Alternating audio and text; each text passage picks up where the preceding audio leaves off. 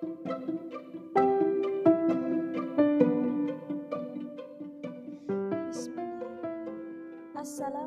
warahmatullahi wabarakatuh. Salam sejahtera untuk kita semua. Salam Om Swastiastu, Namo Buddhaya, salam kebajikan.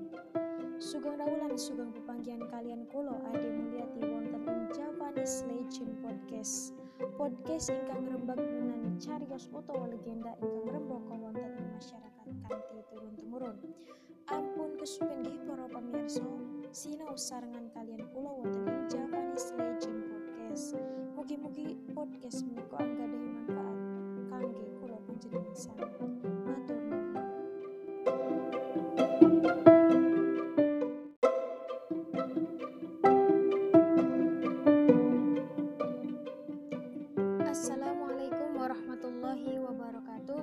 Salam sejahtera untuk kita semua. Salam Om Swastiastu, Namo Buddhaya, salam kebajikan. Sugeng rawulan sugeng pepanggihan malih kalian kulo ade mulyati wonten ing Japanese Legend Podcast. Dinten menika kita badhe ngrembag unsur-unsur saklebetipun cerita legenda. Menapa sih ingkang dipun wastani cerita legenda? Legenda inggih menika carios. Lah, saderengipun dipun lajengaken kita dedonga rumiyin nggih miturut kapitayan sowan-sowan supados sinau kita dinten menika berkah ugi manfaat kangge kita.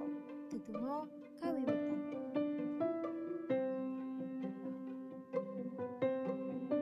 Nggih, matur nuwun. Salajengipun salajengipun kita wiwiti. Menapa sih ingkang dipun wastani cerita legenda?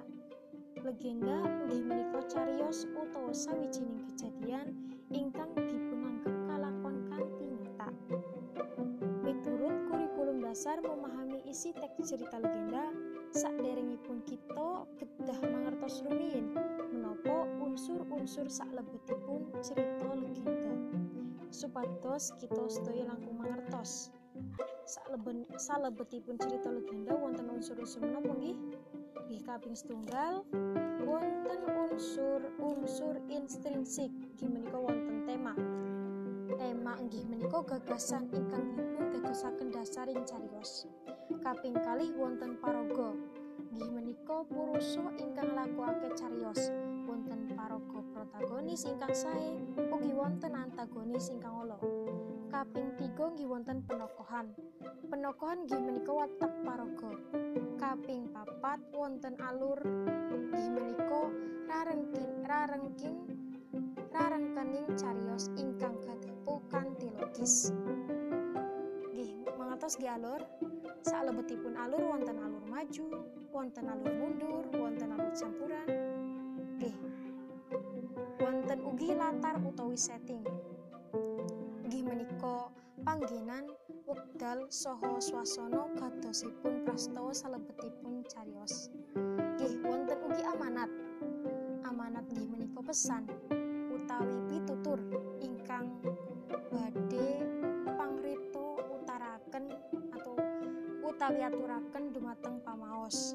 Nggih wonten ugi sudut pandang nggih menika posisi pangripta wonten ing cariyos. Boten namung unsur intrinsik mawon, wonten ugi unsur en ekstrinsik salebetipun cerita legenda, cariyos legenda. Nggih menika kaping pisan budaya kalian nilai-nilai ingkang dipunanut, kaping kalih tingkat pendidikan, kaping tiga kondisi sosial masyarakat, ugi wonten agama kalian kapitayan, kaping pungkasan nggih kondisi politik, ekonomi, lan kondisi hukum. Supados langkung mangertos kula badhe menehi sawijining tulodo supados panjenengan kula ingkang kula panjenengan langkung mangertos menapa unsur-unsur cari carita legenda, carita legenda.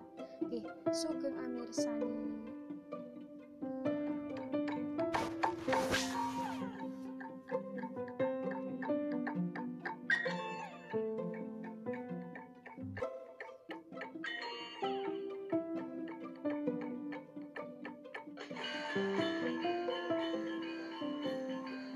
Madine Candi Prambanan.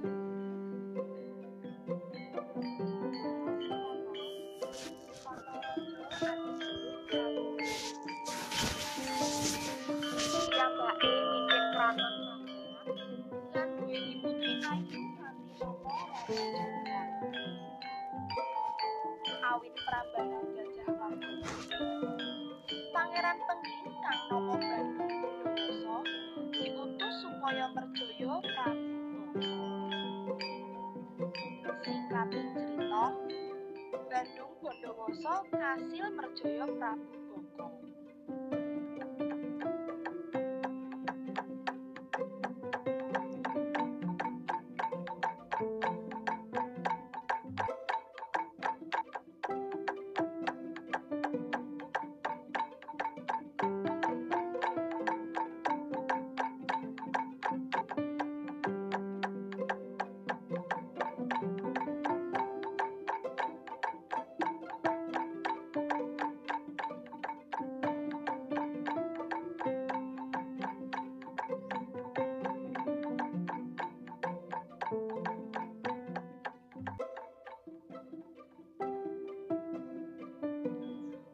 Roro Jonggrang banget mangele karo Bandung Bondowoso.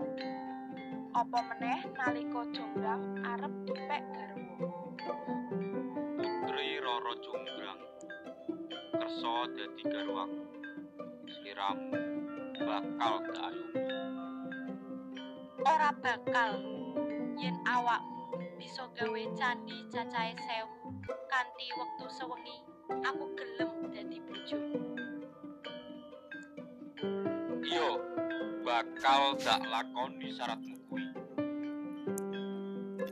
Bandung Bondowoso sing sekti Mandraguna ngundang jin supaya ngrewangi gawe candi. Siji mbaka siji candi dibangun kanthi cepet. Roro Jonggrang sing sabenere lara ati krana ramane diperjaya Bandung Bondowoso. Bengi iku golek cara supaya ora kasil ngrampungake sewu candi.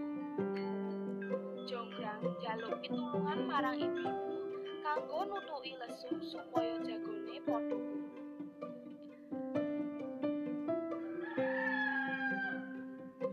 Nalika jago jin-jin padha wedi lan ninggal gaweane amarga dikira wis. Kamangka durung rampung candi. Candi sing kudune cacahe ana sewu Wektu iku isih kurang siji. Bandung Bondowoso sing rumangsa diapusi Roro Jonggrang nganti ndadekake dheweke murka. Awit saka iku, Bandung Bondowoso ngesotke Roro Jonggrang dadi watu kanggo jangkepi candi